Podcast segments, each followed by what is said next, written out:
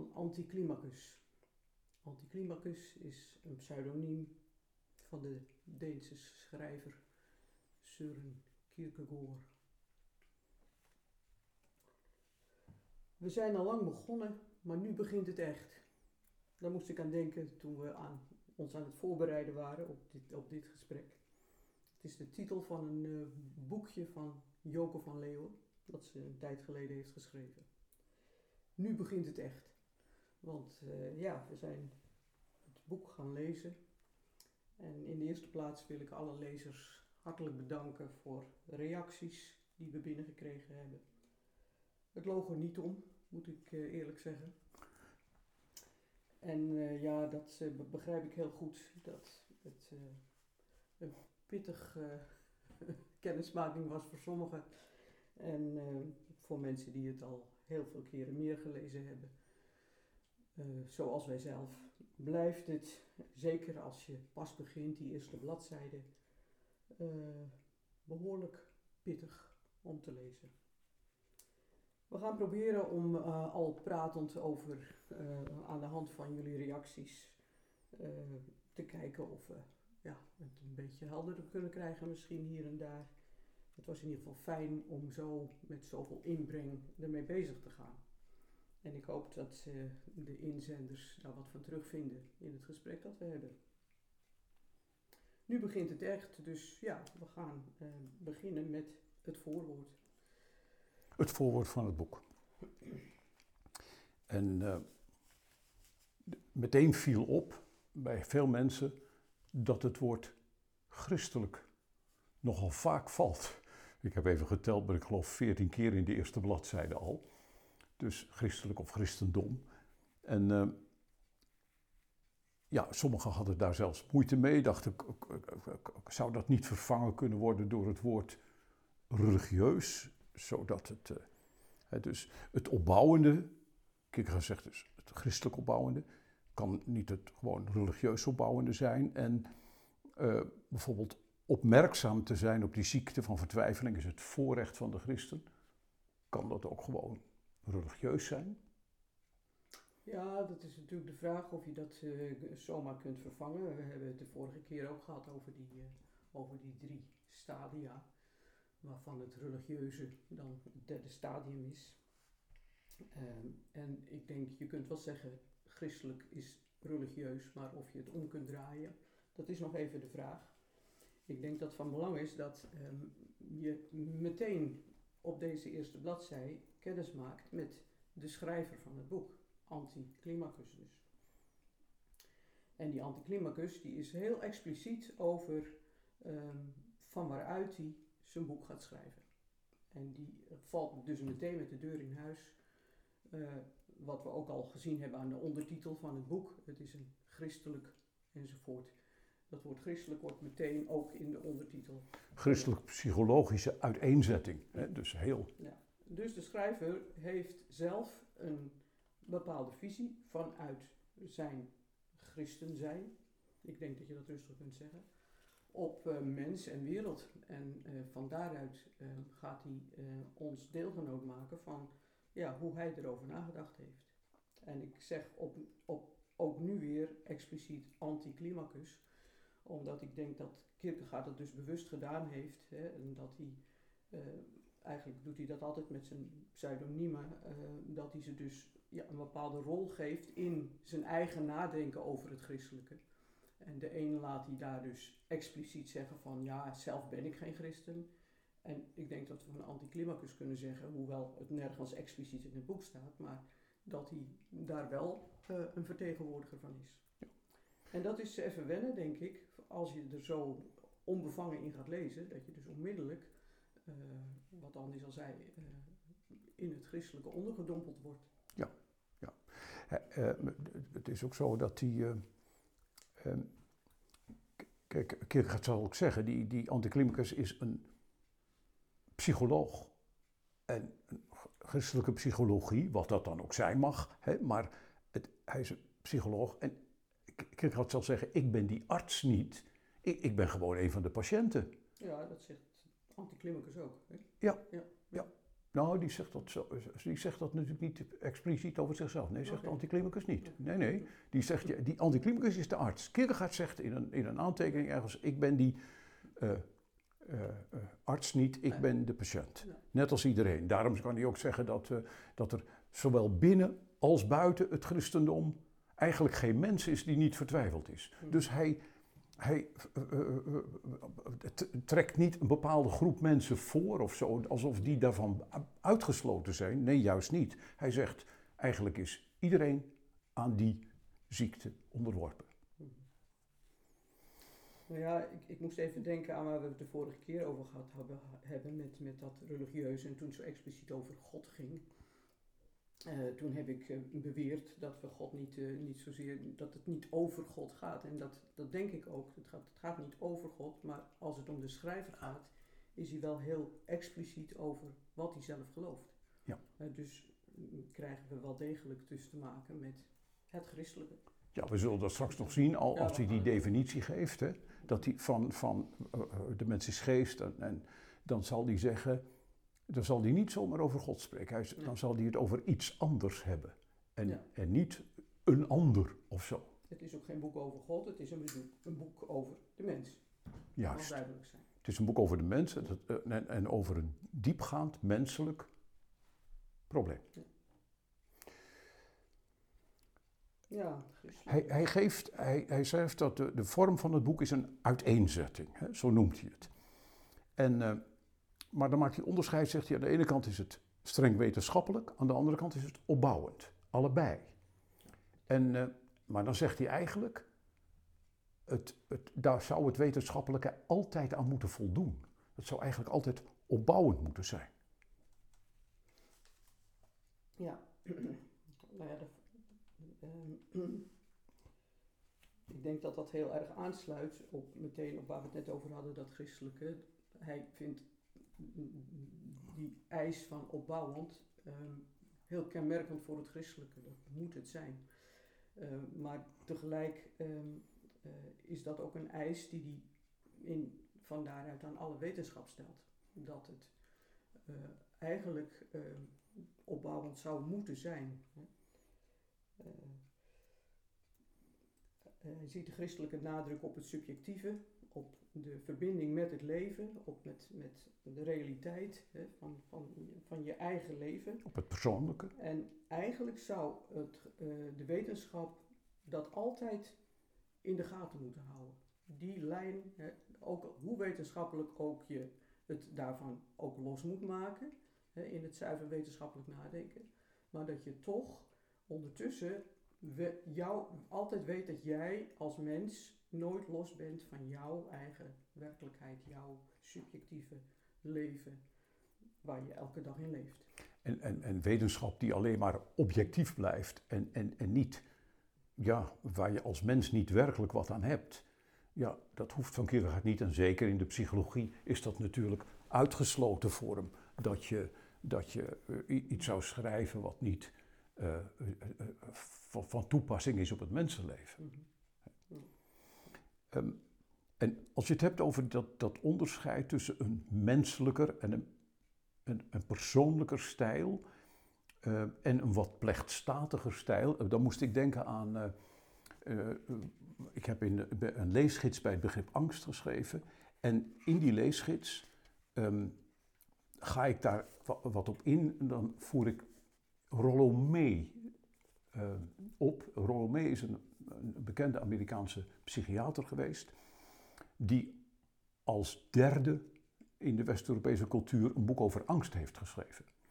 De tweede is Freud en de eerste, veel en veel langer terug, 80 jaar voor Freud, is Kierkegaard. En Rollo May komt als student van een jaar of 23, krijgt hij tuberculose en komt in een kliniek terecht. En dan heeft hij twee boeken die hem daar steun geven. Dat is het boek van Freud over angst en het boek van Kierkegaard over angst. En het is wel aardig om het verschil te horen. Wat me daarbij toen heel erg raakte, was dat Kierkegaard precies schreef over wat mijn medepatiënten en ik doormaakten. En dat deed Freud niet. Die schreef op een ander niveau. Hij gaf mooie formuleringen over het psychische mechanisme dat angst veroorzaakte. Kierkegaard schilderde wat menselijke wezens in een crisis in onmiddellijke zin ervaren. In ons geval de crisis van leven en dood die wij als patiënten in de meest reële zin meemaakten. Maar die crisis verschilde naar mijn mening niet essentieel van de verscheidenheid aan crises die mensen meemaken die aankloppen voor therapie. Of de kleinere crises die alle mensen vele malen per dag meemaken. Ook al duwen we het uiteindelijke vooruitzicht van de dood maar al te graag ver voor ons uit. Freud schreef op een technisch niveau waar hij geniale conclusies trok, misschien wel meer dan iemand voor hem. Hij wist van alles over angst. Kierkegaard, een genie van een heel andere orde, schreef over het existentiële op een ontologisch niveau. Hij wist wat angst was. Nou, dat vind ik een frappant voorbeeld. Hij, hij, heeft Freud natuurlijk ook hoog, maar hij laat dat verschil zien, ook wat hij daar persoonlijk aan had in die situatie. Een heel beslissend verschil dus. Ja. Ja, ik denk dat dat voldoende is voor dit moment. Uh, ja. Vertwijfeling is volgens Anticlimacus in dat eerste stuk, in dat voorwoord, de ziekte. Het is niet het geneesmiddel. Maar wat is het geneesmiddel wel?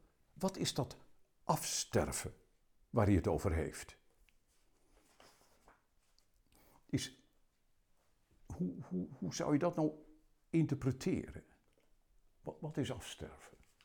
Ja, dat hij, hij zegt daar weer expliciet bij dat het, het is het christelijk spraakgebruik en uh, dat, dat is best lastig, uh, omdat um, daar ook een visie op leven en dood in naar, voor, naar voren komt, um, waar we niet zo aan gewend zijn. Dat er leven is door de dood heen. We gaan daar natuurlijk meer mee te maken krijgen nog in het boek. Um, uh, maar hier zet hij dat meteen al even neer, dat de dood een doorgang is naar het leven. En, maar het begrip afsterven? Nou ja, afsterven, uh, dat je dus in je leven ook al um, uh, iets van het sterven meemaakt. Dus dat je afstand doet of uh, dat je ja, kiest op bepaalde fronten. Um, en dat er in die keuze iets speelt van, nou, ja, van sterven. Ja, ja. Dus, dus iets van loslaten. Ja, loslaten. de, de, vergankelijkheid van al het eindige onder ogen te zien. Precies, in dat spanningsveld leven van, nou ja, de dood is het einde niet en toch gaan we allemaal dood. Uh, ik, ik denk... Dus dat betekent wel te kunnen genieten, maar niet vertwijfeld hangen aan de dingen die je misschien wel los moet laten. Uh, uh, hij zegt hier ergens een leven dat overloopt van gezondheid en kracht. Mm -hmm. Dat is op zich nog niet erg hoopvol. Nee, er is niks mis mee en het is ook niet erg hoopvol. Nee, dan gaat hij zelfs zo ver dat hij zegt dat in de dood, als het een goede dood is, nog meer hoop is dan in een dergelijk leven. Spannend, spannend. Ik denk, ja. nou ja, de vraag dus. We is, gaan het vaker nog tegenkomen, ja. uh, maar het is even neergezet al. Ja, wij zeggen makkelijk, hè, een gezond en gelukkig leven. Ja. En hij zal daar een vinger achter zetten van, is dat nou het hoogste goed? Vragen, vragen. Nou, dan is het aardig om uh, over te gaan naar de volgende afdeling. Ja, dat denk, ik denk dat we dat ook inderdaad meteen zijn met, met, die, uh, met dat sterven. Want de entree, zoals de volgende, de volgende heet, de entree is eigenlijk, uh, ja, kom maar binnen. Hè? Dat is de, de, de, de ontvangst, ontvangsthal, zeg maar, de entree. Ja, het is heel wonderlijk natuurlijk eigenlijk dat hij een voorwoord heeft. En dat hij dan, dan nog, weer een, nog weer een stuk krijgt en dat noemt hij een soort... Dit is de ingang, komt u binnen. Ja. De stoep, zou ik haar zeggen, en de deur. Uh, maar ja, wat is dat nou voor, uh, voor, voor een uh, entree? Um, het is een puur bijbels voorbeeld, een bijbelverhaal over Lazarus, die, die, die, gestorven is en uit de dood wordt opgewekt. Dus wil zeggen weer, we duiken meteen in, in de Bijbel, kun je zeggen. Ja. Waarom doet hij dat? Nou, ik denk allereerst om die term te eiken, want, want Jezus zegt tegen die discipelen, ja, deze ziekte is niet tot de dood. Mhm. En zo komt hij aan zijn term. Maar ja, Lazarus ging tot dood. En ja, daar zit je dus met een. ehm, iemand vroeg: gaat het om geestelijk dood zijn? Gaat het in zekere zin om levend dood zijn? Nou, ik denk dat we dat al een paar keer he- hebben gehoord ondertussen. Ja, dat leven niet altijd leven is. En dat, dat de dood dus ook op andere manieren aanwezig is en werkzaam is dan alleen maar op het moment dat iemand echt doodgaat. Dus ja, we krijgen en hebben meteen te maken met een visie op leven en dood. Eh, nou ja, die me- niet meteen de gebruikelijke is. En het is natuurlijk wonderlijk, in dat entree staat heel centraal ineens zegt, wat zou het Lazarus geholpen hebben als hij er niet was? Dus ehm, hij bedoelt, wat zou dat geholpen hebben als je uit de dood wordt opgewekt en je leeft dan nog weer 30 Dan kan jaar, in maar je gaat toch weer Ja, dood. je gaat toch weer dood. Dus ja, dan is het alleen maar een stukje toegevoegd aan je leven. En ja, En dan zegt hij heel expliciet, als hij er niet was, hij die de opstanding en het leven is. Dus het is nogal een ja. entree. en ook weer vierkant, dus een confrontatie met nou ja, een christelijk verhaal Ja. van Jezus die eh, doodging en opstond uit de dood. En- En misschien is dat even slikken, maar het is wel de visie van Anticlimacus. Nou ja, en ik denk dat dat goed is om je te realiseren. Hè? Dat je, want dan denk ik weer aan ons eh, vorige gesprek, hè, toen we het ook hadden van het, heeft, het, het kan zoiets beklemmends hebben, dat je meteen mee moet in, ehm, in dat christelijke paadje. En ik denk dat dat helemaal niet hoeft. Kijk, het, het is heel duidelijk dat de schrijver hier iets mee heeft en dit belangrijk vi- vindt voor zijn denken. Het is goed om dat bij de schrijver te laten en jij als lezer eh, eh, kan ernaast zetten hoe jij erover denkt en eh, hoe je hiermee om wil gaan. Ja, iemand, iemand eh, bijvoorbeeld er staat, het christendom heeft een ellende ontdekt waar een mens al zodanig het bestaan niet van weet. En meteen dacht iemand natuurlijk, oh, dus dat betekent dat eh, de, alleen maar christenen het kunnen ontdekken. En dat zegt hij natuurlijk net niet, want anders had hij het boek natuurlijk niet geschreven. Dat boek dat leidt je in, in een visie op de mens, waardoor je kunt gaan ontdekken iets van wat Kierkegaard met vertwijfeling bedoelt. Ja, en dat hoef je helemaal niet vanuit het christelijke, maar puur vanuit je, vanuit je eigen mens zijn, loop je tegen dingen op die, die je hier dan eh, terugvindt, eh, beschreven vindt. Een probleem waar volgens de schrijver iedereen mee te maken heeft. Nou, daarmee zijn we meteen eigenlijk bij het begin van het eh, deel A. Want Oeh, ja. Dat, en dat is niet zomaar een begin. Eh, dus eh, er zijn ook mensen die hebben gevraagd van, zou je dat eigenlijk minutieus kunnen behandelen? Gewoon eigenlijk zin voor zin. En anderen zeggen, kan je niet een schema maken, eh, waardoor het allemaal wat begrijpelijker wordt? Oh, wij hebben ook verschillende schema's binnengekregen. Ja, eh, heel leuk. En ik zou zeggen, ja, wie behoefte heeft aan een schema, die moet dat gewoon eens uitproberen. Soms helpt het om een tekeningetje te maken of een, we hebben zelfs een mooie algebraïsche formule zat, er- zat erbij. We gaan ze hier niet allemaal eh, presenteren, want ik, ik weet niet of dat verheldert, maar de een heeft behoefte aan een schema. Ik kan er, ik kan er niks mee, eerlijk, eerlijk gezegd. Ander is veel meer, dus eh, wat dat betreft. Ehm, ja, eh, gaan wij jullie niet, denk ik, een heel goed schema. nee hoor, ik ben graag bereid om de deelnemers via de mail een, eh, een- een, een schemaatje te sturen waar ik zelf wel eens wat aan gehad heb. Maar we starten met A en eh, ik lees het even voor uit de nieuwe druk die er is. In pocketvorm, de goedkopere uitgave. Sinds we de vorige keer hebben gehad, is die verschenen. En dat is voor mensen die het boek niet hadden natuurlijk een blij bericht. Daar is het geloof ik veel makkelijker hè, in deze. Nee, maar ik, ik, dacht, ik moet het toch eventjes tonen. Nee, die, dat- precies dat- hetzelfde. Er dat het er is. niets veranderd in die, in die druk. Er is wat in de noten veranderd, maar de tekst zelf is niets in veranderd. Dus het is een. eh. En dan beginnen we gewoon met dat deel A, kleine a. En we hebben afgesproken, ik lees een kort stukje en dan kijken we of we daarop in kunnen gaan. De mens is geest. Maar wat is geest? Geest is het zelf. Maar wat is het zelf? Het zelf is een verhouding die zich verhoudt tot zichzelf. Het is in de verhouding het feit dat de verhouding zich tot zichzelf verhoudt.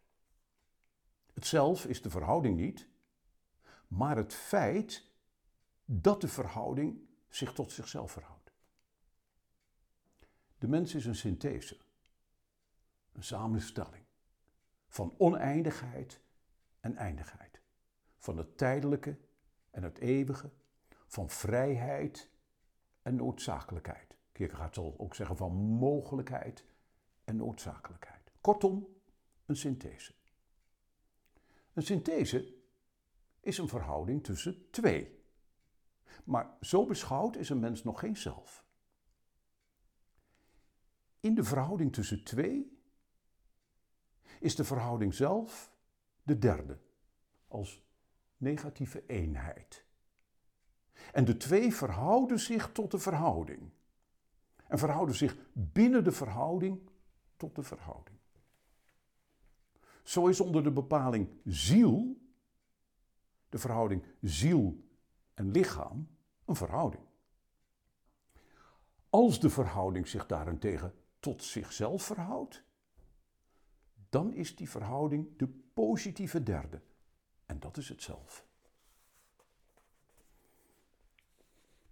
Nou mag jij het uitleggen.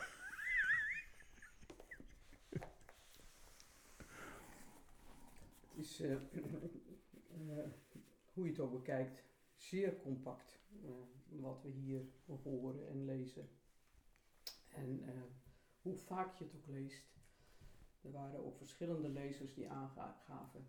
Ik heb het maar weer gelezen en weer gelezen. En ik denk dat dat ook, ook werkelijk de bedoeling is, want ik doe dat zelf ook iedere keer maar weer.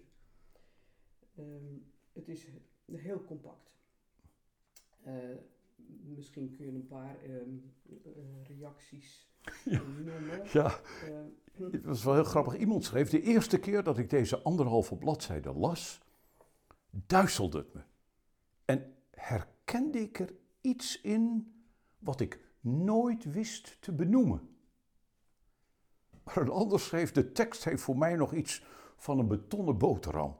En mijn brandvraag nu zou zijn hoe ik van beton brood kan maken. Maar of jullie daar een antwoord op weten? ja, ik heb toen wel even gedacht aan uh, brood. Ik, bak wel brood en de hoofdbestanddelen van brood zijn uh, meel en water. Er komen wel een paar, dingetjes meer, maar als je, als je die twee hoofdbestanddelen niet hebt, dan, uh, dan krijg je geen deeg. En ja, simpelweg kun je zeggen, als je die twee in verhouding brengt, in een bepaalde verhouding, meel en water, dan kun je deeg maken. Dat is een enkelvoudige uh, verhouding, denk ik, tussen twee. Ja. En waarom zou die dat een, dat, dat is het, een soort dat derde van die verhouding is dan nog een negatieve eenheid, want je hebt nog steeds geen brood. Het is alleen nog maar die verhouding. Nou ja, het, het, het, het, is een deeg geworden, kun je zeggen. En je kunt het niet meer uit elkaar halen. Het, is, uh, het, is in verhouding en het blijft in verhouding. Ja. Nou, wat die, die in ieder geval niet tot zichzelf in verhouding staat, dat deeg. Nou, dat deeg, eh, eh, ik heb het nooit gehoord in ieder geval, maar zegt niet tegen zichzelf: ik ben het beginstadium van brood, bijvoorbeeld, hè, of zoiets. Nee. Nee. Er zit dus niet een factor in van dat derde, wat hier om de hoek meteen komt kijken van, um, als ik zeg van ja, ik, ik ben een verhouding van, uh, hoe was het ook weer, lichaam en ziel, hè? Stond ja. Lichaam en ziel. Dan is dat natuurlijk mooi, maar als, als het daarbij blijft, gebeurt er nog niks. Maar als ik zeg, ik ben een verhouding tussen lichaam en ziel, ik heb een lichaam, ik heb een ziel, uh, uh, dan is er al heel veel aan de hand, want dan heb ik dat ja, geleerd, bedacht. In ieder geval zeg ik het nu. En dat is al heel wat, want ik zeg iets over mezelf. Dus er is al heel veel aan de hand tussen lichaam en ziel en geest. Zeg ik nu maar even. Ja, kijk, uh, in de verhouding tussen twee is de verhouding zelf de derde als negatieve eenheid. En de twee verhouden zich tot de verhouding en verhouden zich binnen de verhouding tot de verhouding. Nou, dat klinkt natuurlijk eerst ingewikkeld, maar ik dacht even aan de verhouding tussen twee mensen bijvoorbeeld. Mensen zeggen, wij hebben een verhouding. Daar heb ik nog helemaal niet over wij bijvoorbeeld. Ik heb, maar dan hoef ik het nog niet eens over een huwelijk te hebben. Als twee mensen een verhouding met elkaar hebben, dan is die verhouding, dat is iets, maar het is nog een verhouding zonder meer. En, en aan dat woordje zonder meer hoor je dat het is nog niet ingevuld. Het is, Je kunt er nog niks van zeggen. je kunt er nog niks van zeggen. Maar, Maar er is wel een verhouding. en elk van die twee staat in verhouding tot die verhouding. En heeft daar ook een hele eigen manier, op een hele eigen manier staat hij in verhouding tot die verhouding. Dat is niet hetzelfde. Ook als je een huwelijk hebt, dan, dan is het niet zo dat. Kun je daar heel verschillend over denken. Daar kan je heel verschillend over denken.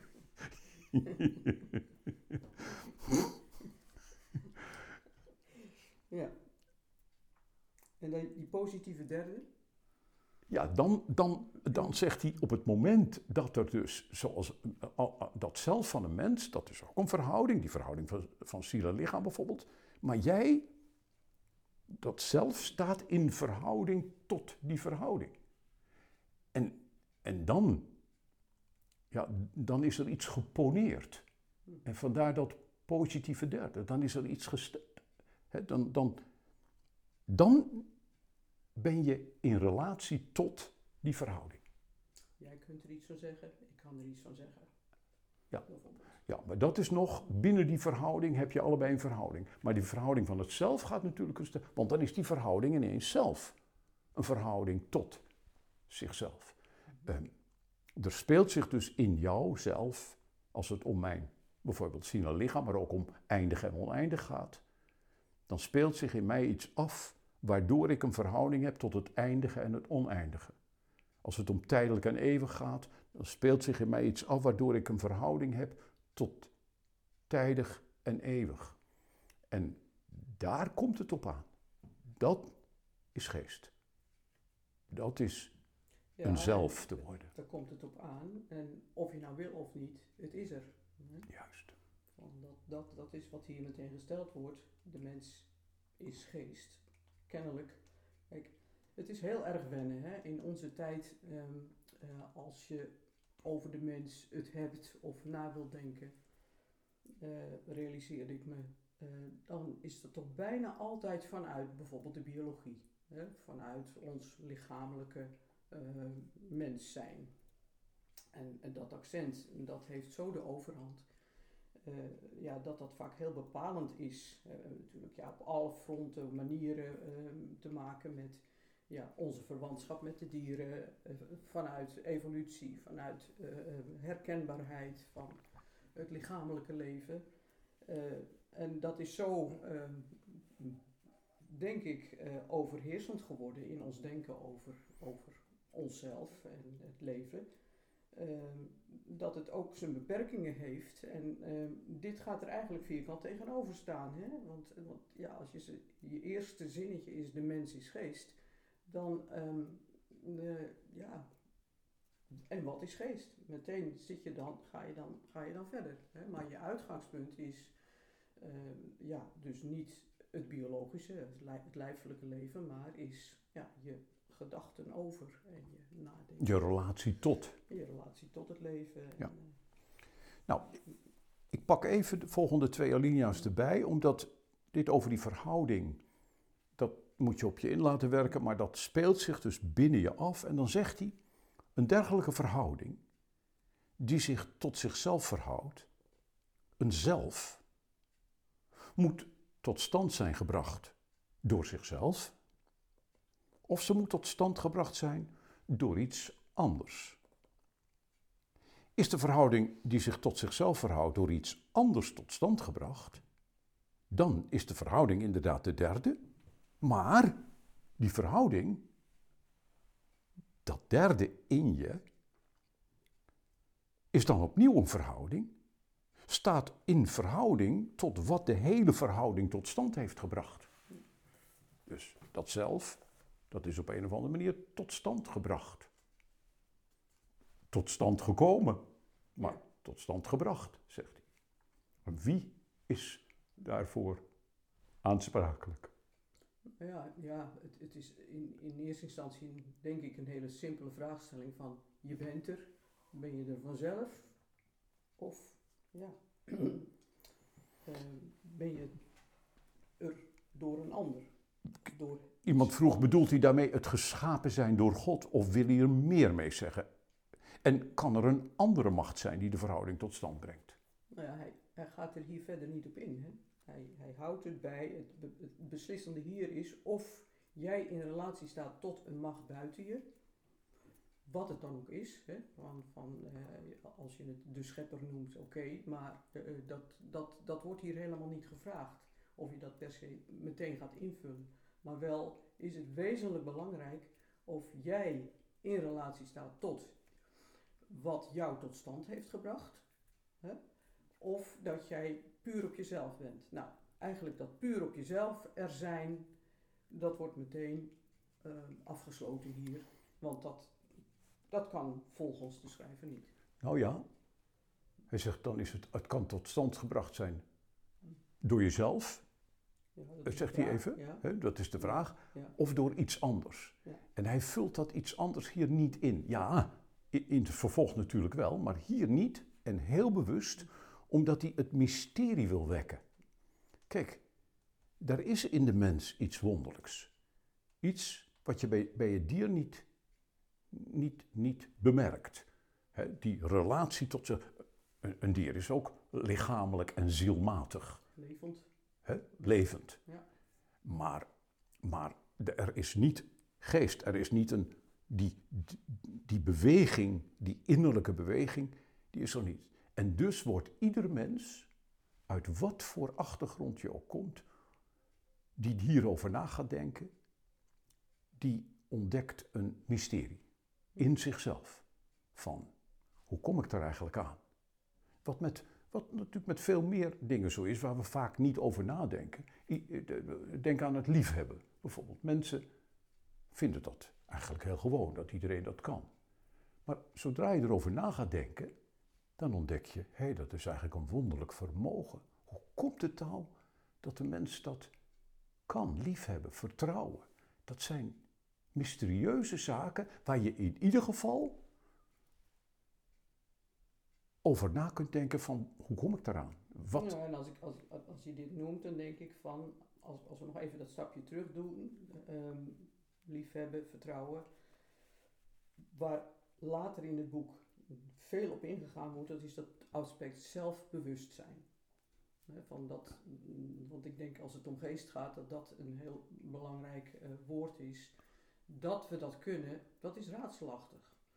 Dat, dat een mens zich bewust is van zichzelf. En daar wordt ook behoorlijk naar gezocht, ook in onze tijd. Van Ja. waar komt dat toch vandaan?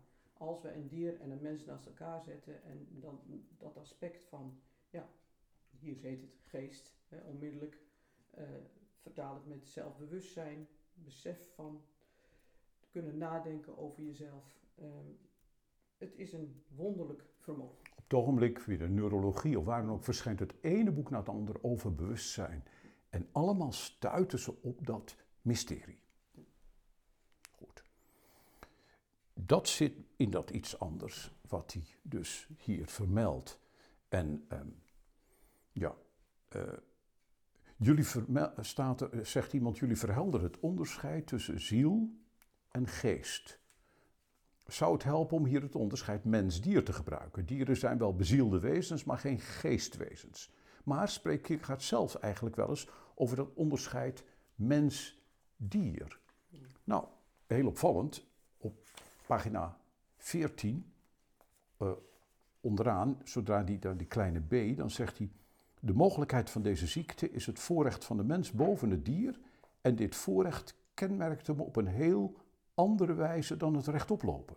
Want het duidt op een oneindige rechtstandigheid en hoogheid van het feit dat hij geest is. Dus ja, die, dat, dat doet hij niet alleen hier, maar op eh, pagina 54 onderaan, voor wie het lezen wil. En in het begrip angst eh, op pagina 51 doet hij, komt hij op dat onderscheid tussen mens en dier.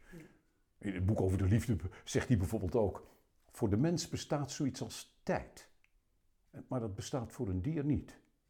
En meteen zie je weer die, hé, hey, die mensen is die synthese van tijd en eeuwigheid. Ik kan over de toekomst nadenken. Maar goed, hier krijgen we nog heel wat meer over uh, ja. gepresenteerd. Misschien moeten we het ook nog even over die mm, wanverhouding ja. Hebben, waar het hier ook uh, ja. Um, over gaat. Is dat ook nog iets om voor te lezen? Nou, het, het, laten we dat laatste stukje, het, van dat laatste stukje wil ik ook nog wel een klein stukje voorlezen. Dan is daarmee A meteen afgehandeld. Als hij zegt, uh, de wanverhouding in de vertwijfeling is niet een enkelvoudige wanverhouding, maar een wanverhouding in een verhouding die zich tot zichzelf verhoudt.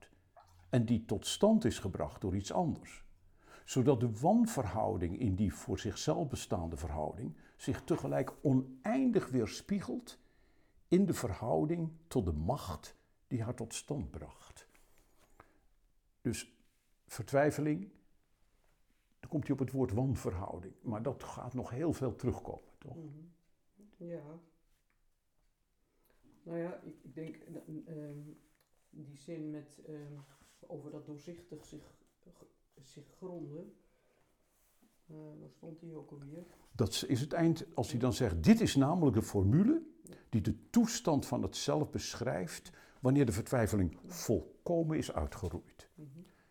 En dan gaat hij dit zeggen. In de verhouding tot zichzelf en in het zichzelf willen zijn, prachtig menselijk geformuleerd, hè? in de verhouding tot zichzelf en in het zichzelf willen zijn, grondt het zelf zich doorzichtig in de macht die het tot stand bracht. Nou, dat was ook iemand die vroeg.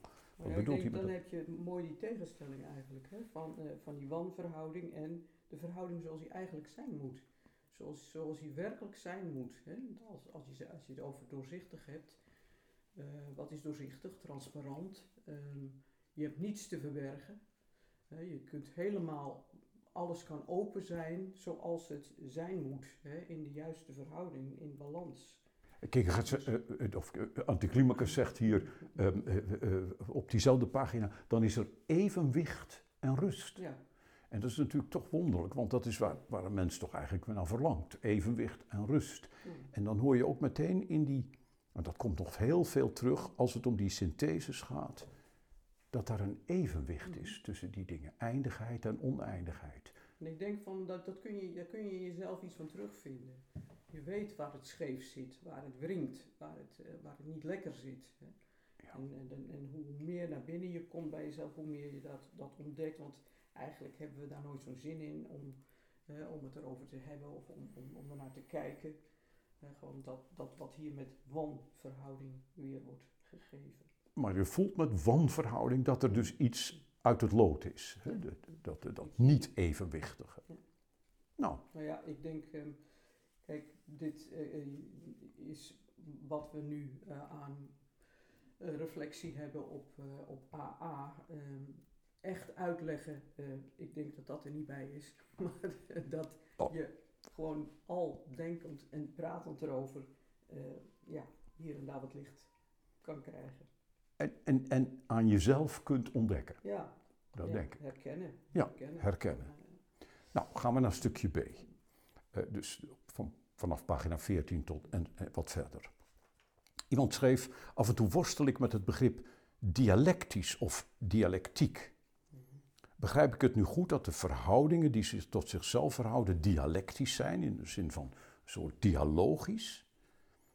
En dat in dat dialectische de vrijheid huist als een keus? En iemand anders zei, jullie hebben al iets in dit vorige filmpje gezegd over dat, het, dat je het niet zozeer met Hegel, maar eerder met het Griekse, Plato, Socrates moet. En dus gesprekskunst. Maar hij zegt dus ook wel dingen als zo dialectisch is vertwijfeling. Of eh, vertwijfeling is dus op een andere manier dialectisch dan wat meestal ziekte wordt genoemd. En lichamelijke gezondheid wordt pas dialectisch in de situatie van het ziek zijn.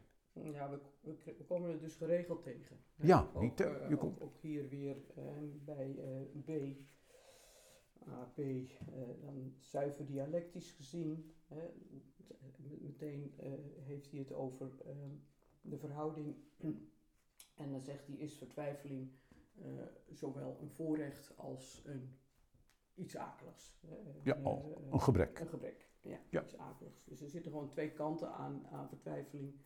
En het dialectische, dat, dat vraagt altijd om vragen, doorvragen. Het is niet eh, eh, 1 en 1 is 2, het is, eh, er, zit, er zitten verschillende kanten aan. Je blijft zoeken, eh, de ene kant is zus, de andere kant is zo. En ik denk dat dat bij het dialectische van belang is om eh, door te vragen, Ja, te en- blijven vragen.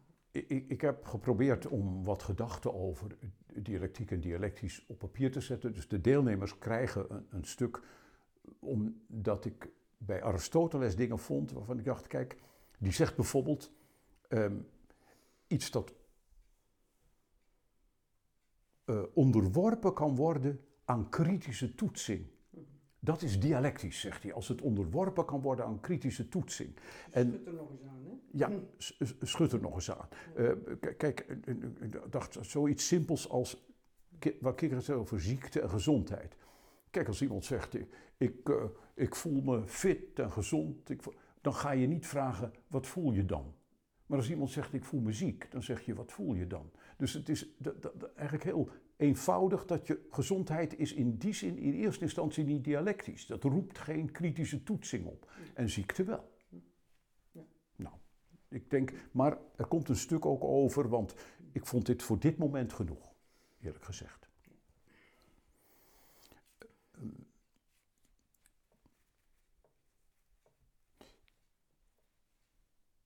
Ja, dat werkelijk en ehm, mm, mogelijkheid en werkelijkheid. Eh, daar was, dacht ik ook nog een vraag over. ehm, dat de, de noodzaak of het noodzakelijke.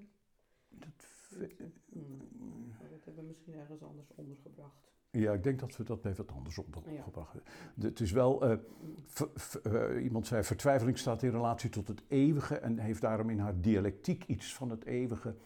Kijk, dat moet je zien in de zin van het tijdelijke en het eeuwige. Dat, die, die, hij zegt, eh, ehm, eh, vertwijfeling is iets wat, en daar komen we er nog op, maar de vertwijfeling is iets wat blijft. Wat, en, en als het zich toont, dan was het er al. ja. En da, da- dat bedoelt hij dus dat het. Je bent er nooit klaar mee, dus eigenlijk. nee. Hè?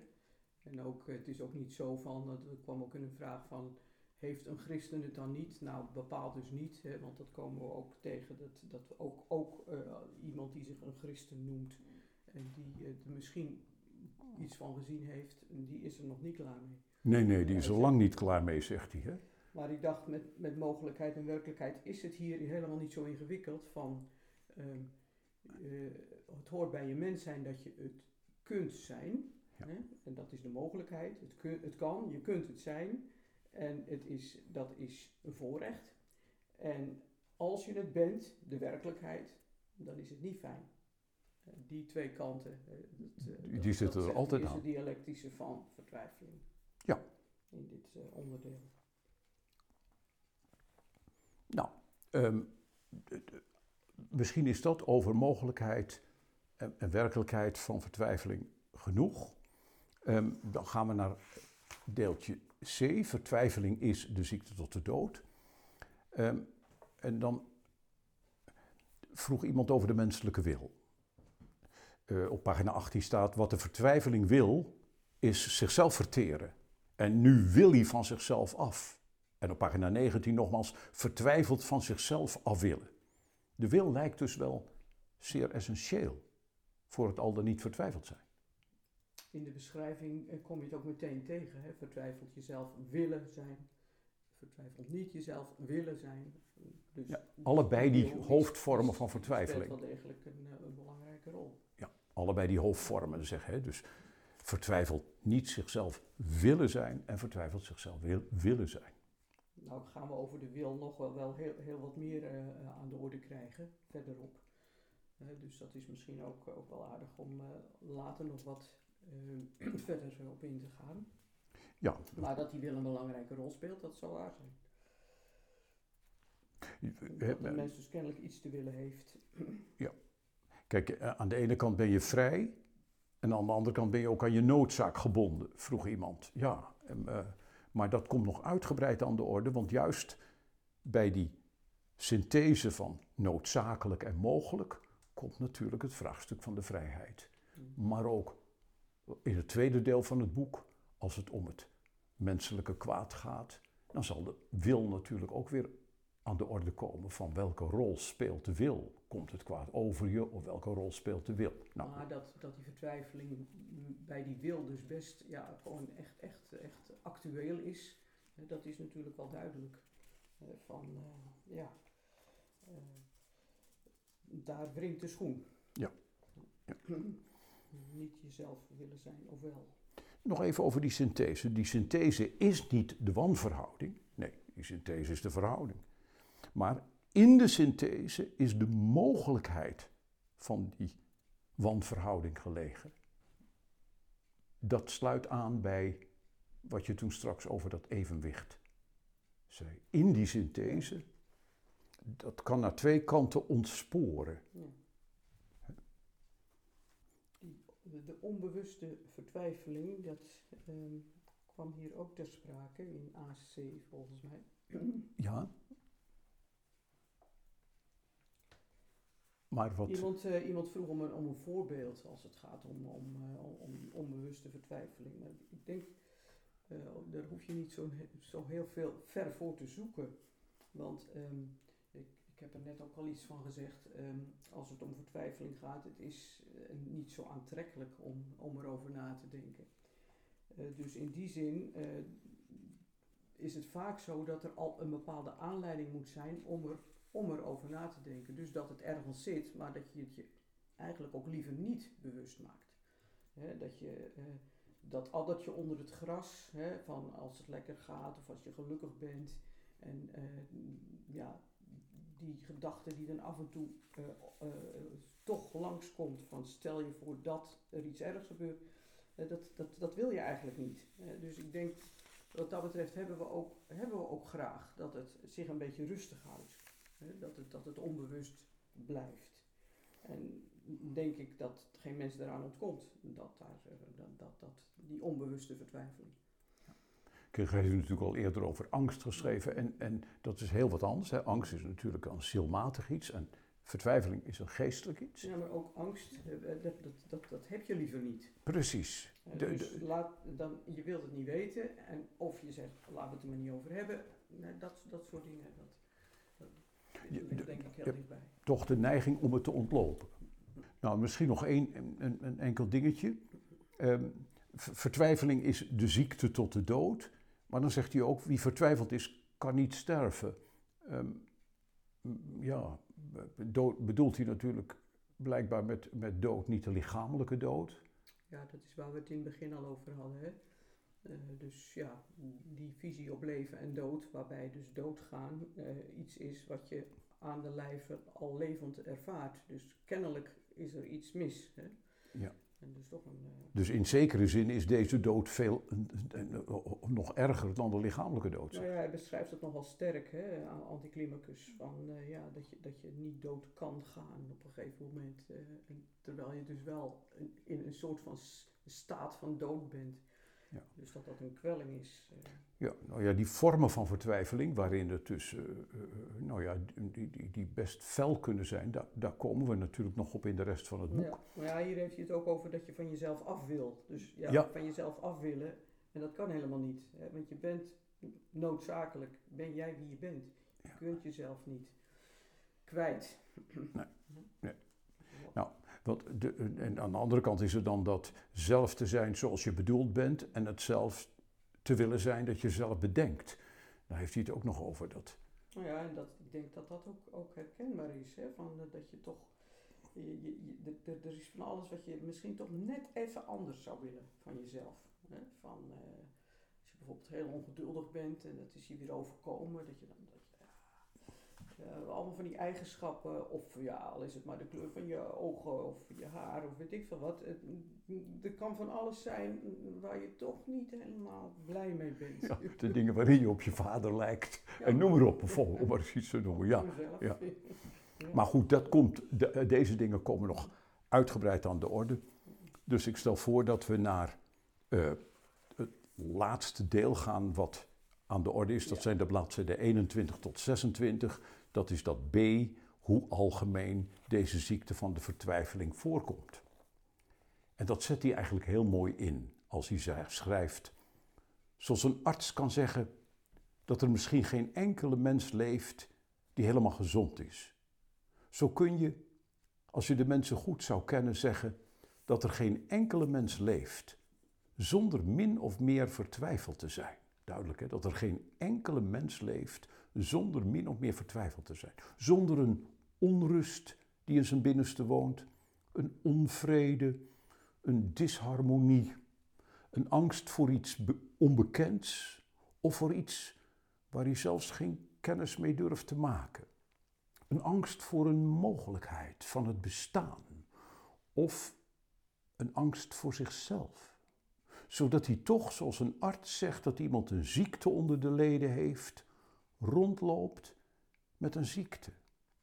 Hij loopt rond met een ziekte van de geest, die bij vlagen door en met een angst die voor hemzelf onverklaarbaar is, laat merken dat ze van binnen aanwezig is. En in ieder geval heeft er geen mens geleefd en leeft er buiten de christenheid geen mens zonder vertwijfeld te zijn. En binnen de christenheid ook niet, voor zover hij geen ware christen is. En voor zover hij dat niet helemaal is, is hij toch enigszins vertwijfeld. En dan zegt hij dat prachtige gedrag eraan. Deze visie zal voor velen een paradox lijken, een overdrijving, en bovendien een wat sombere en treurig stemmende opvatting. Ik ken mensen die zeggen, nou, oh, weer typisch Søren Kierkegaard. Nou, toch is ze niets van dit alles. Ze is niet somber. Integendeel, ze probeert licht te verschaffen in wat men gewoonlijk enigszins in het duister gehuld laat. Ze is ook niet treurig stemmend, integendeel, ze is verheffend, omdat ze ieder mens beschouwt onder de bepaling van de hoogste eis die aan hem gesteld is: geest te zijn. En ze is evenmin een paradox, integendeel, ze is een consequent doorgevoerde grondvisie. En in dat opzicht ook bepaald geen overdrijving. Nou, daar kunnen we het mee doen. Nou, ik vind het hier, hier zo prachtig, zoals hij de nuances dan ehm, aangeeft, hè, in, eh, zoals het hier beschreven staat, van wat die vertwijfeling dan is. Dat, dat ongenoegen, die onvrede, die, ja, zoals die, prachtig zoals hij dat hier ook noemt, vind ik. Ja, nou ja, dat, dit, dit is de arts eh, anticlimacus, die probeert op dat gebied van de geest te duiden van waar wringt het hè? in Ja. ieder mensenleven. En dat ook heel fijngevoelig kan, eh, vind ik. Ja. Ehm, en ehm, ja, ik, hoop dat het grapje ons niet on- jullie niet ontgaat als het om die, die ware christen gaat hier. Want eh, ja, eh, waarschijnlijk bestaat hij niet. Zou die misschien moeten bestaan, maar. Nee dus. De- Prachtig is die analyse, zei, zei iemand, van, van die vertwijfeling van de buitenkant, de gewone visie, die meent dat vertwijfeling zeldzaam is. En de grondvisie van Anticlimacus, vanuit de binnenkant, waarbij het uiterst zeldzaam is als iemand niet vertwijfeld is. Ja, dan kom je natuurlijk op het vlak van eh, ja, de symptomen. Hè, dat wij gaan af op de symptomen. Als iemand echt eh, door het lint gaat of eh, opgenomen moet worden en dat soort dingen, eh, dan, dan is het helder. Maar dat, dat het merendeel van de vertwijfeling uit zich op een hele andere manier. Nou ja, de- Dan, dan is het zo belangrijk om te kijken naar ja, wat komt er nou naar buiten. Of eh, het is m- denk ik meer een soort ijsberg, hè, waarvan een klein puntje er bovenuit, boven water uitkomt en het grootste deel. Eh, zit 90% zit onder water. Ja, nou ja, kijk, hoe, maar hoe onderscheid je nou die buitenkant en die binnenkant? nou ja, eh, het zal wel duidelijk zijn dat je dan heel erg op jezelf aangewezen bent. Hè, want ik kan van jou niet zien eh, waar jouw vertwijfeling zit. Ik kan er misschien wel eens tegenop lopen, ik kan je wel eens vragen stellen. hè, ik kan misschien, hoop ik, voor jou als een spiegel eh, fungeren af en toe. Maar ten diepste, ehm, het belangrijkste werk eh, ligt bij jezelf. als het hier gaat. Omdat om, het... je, om je eigen binnenkant en niet die van een ander. Ja, dus want, want iemand vroeg ook, kan je een ander daarbij helpen? Nou ja, in die zin denk ik, ja. Hè, als je het bij jezelf hebt leren kennen, dan ehm, ga- kun je ook beter een ander vragen stellen. En ik denk dat dat best een hoge eis is, ook als het om, als het om therapie gaat. Hè, dat, dat ja, je bij een ander, ehm, eh, je kunt een ander helpen, denk ik, hè, maar tot op zekere hoogte. Ja. En dat het wel nodig is om herkenning te hebben, eh, zo van dat jij niet degene bent die er geen last van heeft en de ander wel, maar dat je het eh, ziet hoe eh, het probleem bij iedereen ligt. Bij de arts en bij de patiënt. Beide. Kierkegaard zegt ergens over een psychiater. Als een psychiater denkt dat de problemen die zijn cliënten hebben, die hebben zijn cliënten, maar hij niet, dan zal hij er niet veel genezen, zegt hij. nou, dus ehm, iemand vroeg ook, ehm, maar wat schieten mensen mee op als hij een therapeut treft die helemaal niets herkent van, de, van, van, van het probleem van de vertwijfeling in zijn of haar eigen leven? Wat heb je dan aan zo'n therapeut? Nou ja, ik denk dat we toch moeten zeggen dat daar eh, wel, probleem, dat er wel een probleem ligt. En, en Dat, dat, dat je inderdaad therapieën hebt die ja, niet, niet veel zullen helpen. In die zin, als er niet wat aan het licht komt van, van wat hier onder woorden gebracht wordt. Nou, wie wel eens een goede therapeut gezocht heeft, weet ook dat hij daarvoor best zoeken moet, want dat er Ja, maar die, maar die zijn er wel degelijk. Ja, dat, natuurlijk, eh, natuurlijk. dat ik. Dus eh, het- het gaat er nou juist om om niet bij de buitenkant te blijven staan, maar de binnenkant van een ander, zeg je net, ja, daar kan je eigenlijk niet bij komen. Je kunt alleen ehm, vragen stellen. En eigenlijk, ik, ik ben wel eens bij een goede therapeut geweest, die zei, ja, eigenlijk wat ik doe, zou je in goede vriendschappen ook moeten doen. Ja, je Dat zou dat als mensen meer moeten leren. Hè, om, om, Om elkaar eerlijke vragen te stellen. ja, en om door te vragen. En om niet meteen tevreden te zijn als, eh, om, nou ja, ja, met wat, wat anderen zeggen, maar om te leren om, eh, niet, niet om, uit nieuwsgierigheid, maar vanuit herkenning of, of het spiegelen aan elkaar. Ja. En Ja. Dat, en dat is een kunst apart. Iets voorbij dat van eh, hoe gaat het goed? Ja. ja. Alles goed? Alles goed. Ja. ja. Nou, iemand zei nog, dat, eh, eh, en dat vond ik wel aardig om Freud nog weer eens ook positief nog een keer te noemen. Ehm, ehm, Freud heeft natuurlijk ook een visie vanuit de binnenkant, hè, bewustwording. Hij wordt niet voor niets een ontmaskeraar van het ego genoemd. Ehm, ja, dat is ook een bijzondere overeenkomst, zou ik zeggen, tussen Freud en Kierkegaard. Dat ook Freud vond dat ieder mens in meerdere of mindere mate psychisch ziek is. En natuurlijk heeft ook Freud gestreefd naar een vorm van systematiek, die je bij Kierkegaard in ieder geval in de ziekte tot de dood en in het begrip angst ook Ja. tegenkomt. Nou ja, inderdaad. Ik denk dat je al wat eh, in dat citaat van Rollo May eh, ook van het verschil hebt aangegeven. Dat is een duidelijk verschil, zoals Kierkegaard dat noemt, over die plechtstatige stijl en die persoonlijke stijl. Mm. Ehm, ja, Kierkegaard heeft nog wel, daar zouden we mee kunnen eindigen eigenlijk, ehm, wegen ge- ge- zoekt hij om jezelf of anderen die vertwijfeling bewust te maken. Ehm, hij heeft bijvoorbeeld pseudoniemen in het leven geroepen, rechter Wilhelm in Of Of. En die gaat die jonge man uit deel 1, waarvan hij denkt dat hij behoorlijk vertwijfeld is, gaat hij allerlei dingen vertellen over mensen die heel gezond zijn en leven voor hun gezondheid. Eigenlijk heel actueel. Hè? En dan gaat hij laten zien van, ja maar, ehm, stel nou dat ze hun hele leven gezond blijven. Dus op zo'n 50-jarige bruiloft dansen ze nog prachtig en dus mensen zeggen wat een prachtig stel mensen is het toch. En dan zegt de, de rechter erachter, en dus zijn ze gelukkig. En je voelt al meteen aan uit dat zinnetje van wacht even. Wacht even, daar komt wel eens wat aan mankeren. Ja, en dan denk ik hier aan dat, eh, dat verhaal over dat, dat jonge meisje, wat hij dan als eh, toonbeeld van, eh, van geluk opvoert. Hè? Ja, verliefd. ja, van zoals, zoals het dan, zeg maar, wat hij dan hier de natuurlijke mensen, wat, ons, wat wij van nature mooi vinden en, en, en goed en gelukkig, hè, dat tekent hij dan aan de hand van, een, van de jeugd van een, jong meisje dat, dat, dat gelukkig is. Ja. Ja, is dat het dan? Dus, eh, Iemand schreef de angst dat het geluk zomaar over kan zijn. Ineens trof me die zin. En dat raakte me, de angst dat het geluk zomaar over kan zijn. Is dat vertwijfeling? mhm.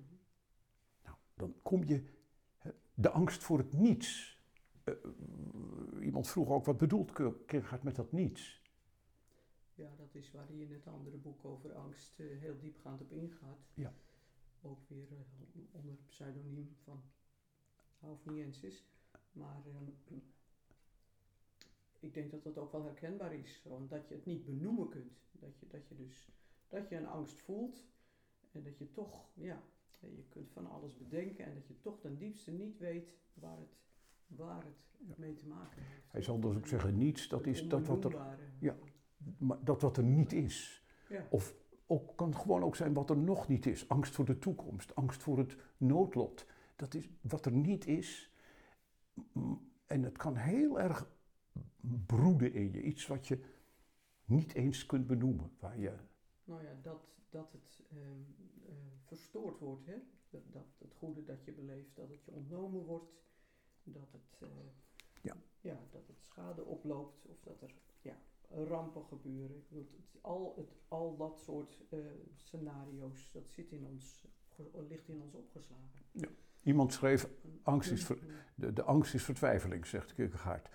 Maar in deze maakbare wereld denken we overal een oplossing voor te hebben. Nou, En denken we gerust te zijn als we de angst elimineren door verstandig te handelen.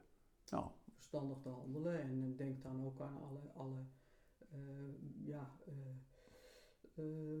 protocollen, regels als het om veiligheid gaat.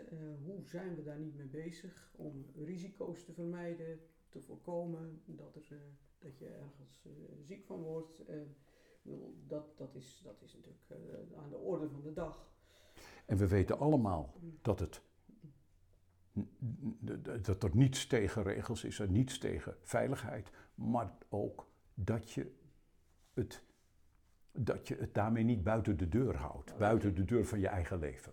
Nee, dat je het niet buiten de deur houdt. Eh, ik bedoel, eh, als je een keer gevallen bent met de fiets, ik zie het om me heen nu ook inderdaad heel veel gebeuren, dan eh, onmiddellijk daarna wordt er een fietshelm aangeschaft. Maar die val die heb je net gehad. En dat is het probleem met alle, met alle ongelukken en gevaren. En, en, en eh, dat je dus eh, in actie komt nadien. En ik denk dat dat, dat zit allemaal op die wortel van de vertwijfeling en de, van ja, iemand gebruikt ook het woord het mechanistische en het materialistische wereldbeeld. Hè, met maakbare, eh, eh, zegt Anisette. En dat, dat is natuurlijk aan de orde van de dag. Dat we denken dat, we, ja, dat wij dat toch een beetje beter in de hand kunnen krijgen allemaal. En ik denk dat het tegendeel waar is. Dat hoe meer we het in de hand denken te kunnen nemen, eh, ja, En dat we, in, in ieder geval kun je daarmee je angst en je vertwijfeling niet bezweren, nee, denk ik. nee. Nou, we zijn aan volgens mij hoofdstuk C, de grote zee toe, vormen van deze ziekte van de vertwijfeling. Dat gaat komen de volgende Grote keer. zee zeg jij nu, hè? Dat vind ik Ja, dat is mijn tik. Ik ben, Want dat, daar verraad je je kom af mee. ja, In Amsterdam. Gedopen, Dan zeg je niet, we zijn naar de zee toe, maar aan de zee. Nou, ik denk dat eh, we daar wel mee kunnen eindigen. En dat, dat is de, de, de, de veelheid van mogelijkheden van vertwijfeling, vormen van vertwijfeling. En eh, een, een hoofdstuk om heel aandachtig te lezen en ook op je te laten inwerken, want daar zal toch ook veel herkenning zijn. Ja, ik denk dat daar gewoon meer in, in, in kaart wordt gebracht, eh, waar we nu ook al, eh, en nu in veel compactere vorm in dit eerste stuk, mee te maken hebben gehad. Ja. En dat is dus, nou ja, dat het in, in dat opzicht iets meer lucht zal krijgen, het vervolg. Hoop Aha. ik in ieder geval. Dat wens ik jullie ook allemaal toe. Ja. dat het, nou ja, dat, dat het lukt om eh, het geduld op te brengen en ook de openheid om met eh, anticlimacus in gesprek te gaan.